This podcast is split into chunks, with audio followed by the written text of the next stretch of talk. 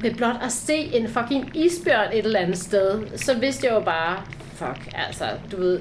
Så blev jeg hele tiden mindet om, at, at, at den stod virkelig uh, til. Forestil dig, at hver gang du tænder for din vandhane, tænker du på indlandsisen, der smelter, verdenshavene, der stiger, og at Danmark bliver til et lille, smalt stykke land, der ikke er plads til hverken mennesker, dyr, by eller natur.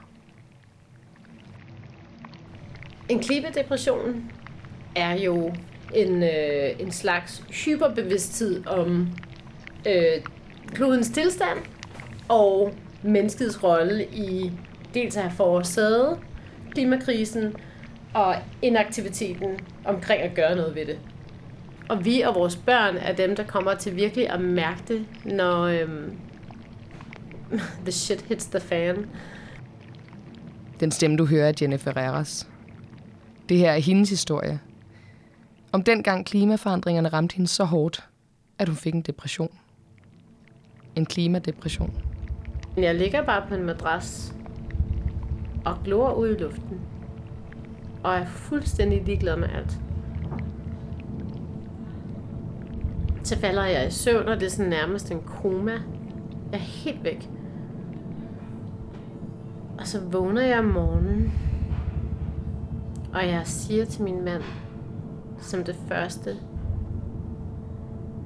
at vi skal sælge vores lejlighed og købe et off-grid hus på landet og dyrke vores egen grøntsager. Og jeg mener det. Men den følelse af at skulle overleve på en helt anden måde end før, den, øhm, den påvirker mig helt vildt meget.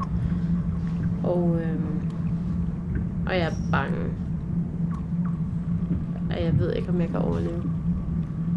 Og jeg kan ikke lide følelsen, fordi at jeg, det hele er lige meget. Det hele er sort. Det er fuldstændig ligegyldigt.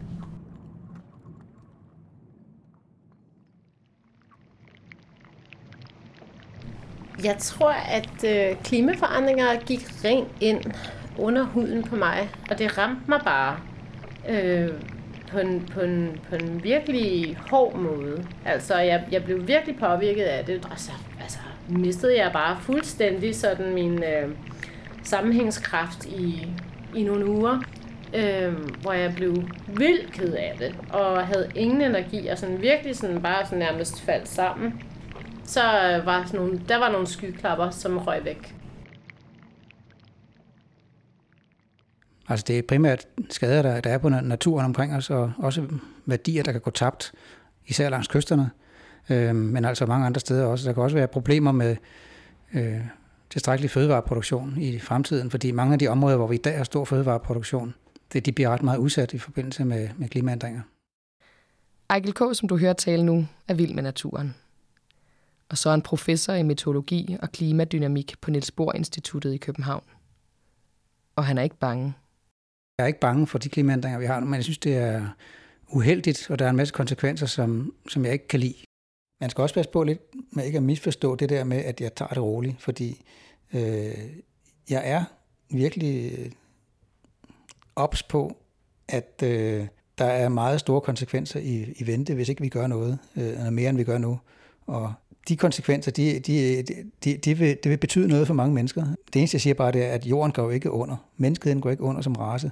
Men jeg mener, at vi skal gøre alt muligt, hvad vi kan fra samfundets, politikernes og os, der vælger politikernes side til at presse i en retning, hvor man får, øh, får mindsket udslippene af drivhusgasser så hurtigt som overhovedet muligt. Det bedste, man kan gøre, når man er ked af det, det er simpelthen at tage altså aktion, altså til lige før sådan en fysisk aktion. Stå op, gør et eller andet, undersøg, hvor kan du komme hen, hvor har du nogle øh, fællesskaber omkring det her problematik, hvad kan du gøre?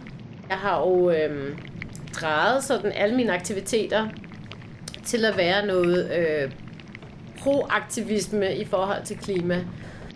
Øh, jeg har været rigtig meget frivillig inden for nogle øh, bæredygtighedstiltag. Jeg har undervist i klima øh, for børn øh, mellem 5. klasser og 3.G. Og jeg øh, arbejder lige nu faktisk i en bæredygtigheds virksomhed, som er øh, et lille varehus. jeg ved, at jeg har påvirket rigtig mange mennesker. Øh, at, at de faktisk har fået øjnene op for alvoren på grund af mine ord og mine handlinger. Og det føles helt afsindigt godt. Og det er faktisk, øh, det er ikke nok til at kunne hvile på laverbærene, men det er bare, det er bare rigtig rart at have gjort noget. Øhm, fordi hvis man bare læner sig tilbage og føler sig hjælpeløs, jamen, så kan man jo lige så godt bare grave et hul et eller andet sted og lægge sig til at dø.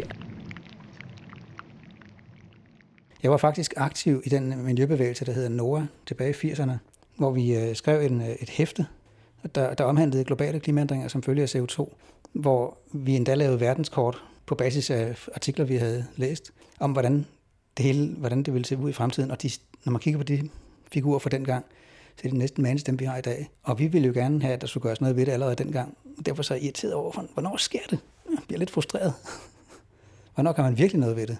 Jeg, vil, jeg håber på, at, og tror også på, at vi kan, vi kan nå væsentligt længere. Vi, kan, vi er jo dygtige, vi kan tilpasse os utrolig mange ting. Men hvorfor ikke gøre livet smukkere og lettere, hvis vi kan? Det er jo ikke en sygdom at bekymre sig over verdens tilstand. Jeg synes, det er lidt forkert at sige, at man er rask, hvis man har distance. Fordi, hvad er man så? Altså, lægger man så mærke til, hvad der egentlig foregår omkring en?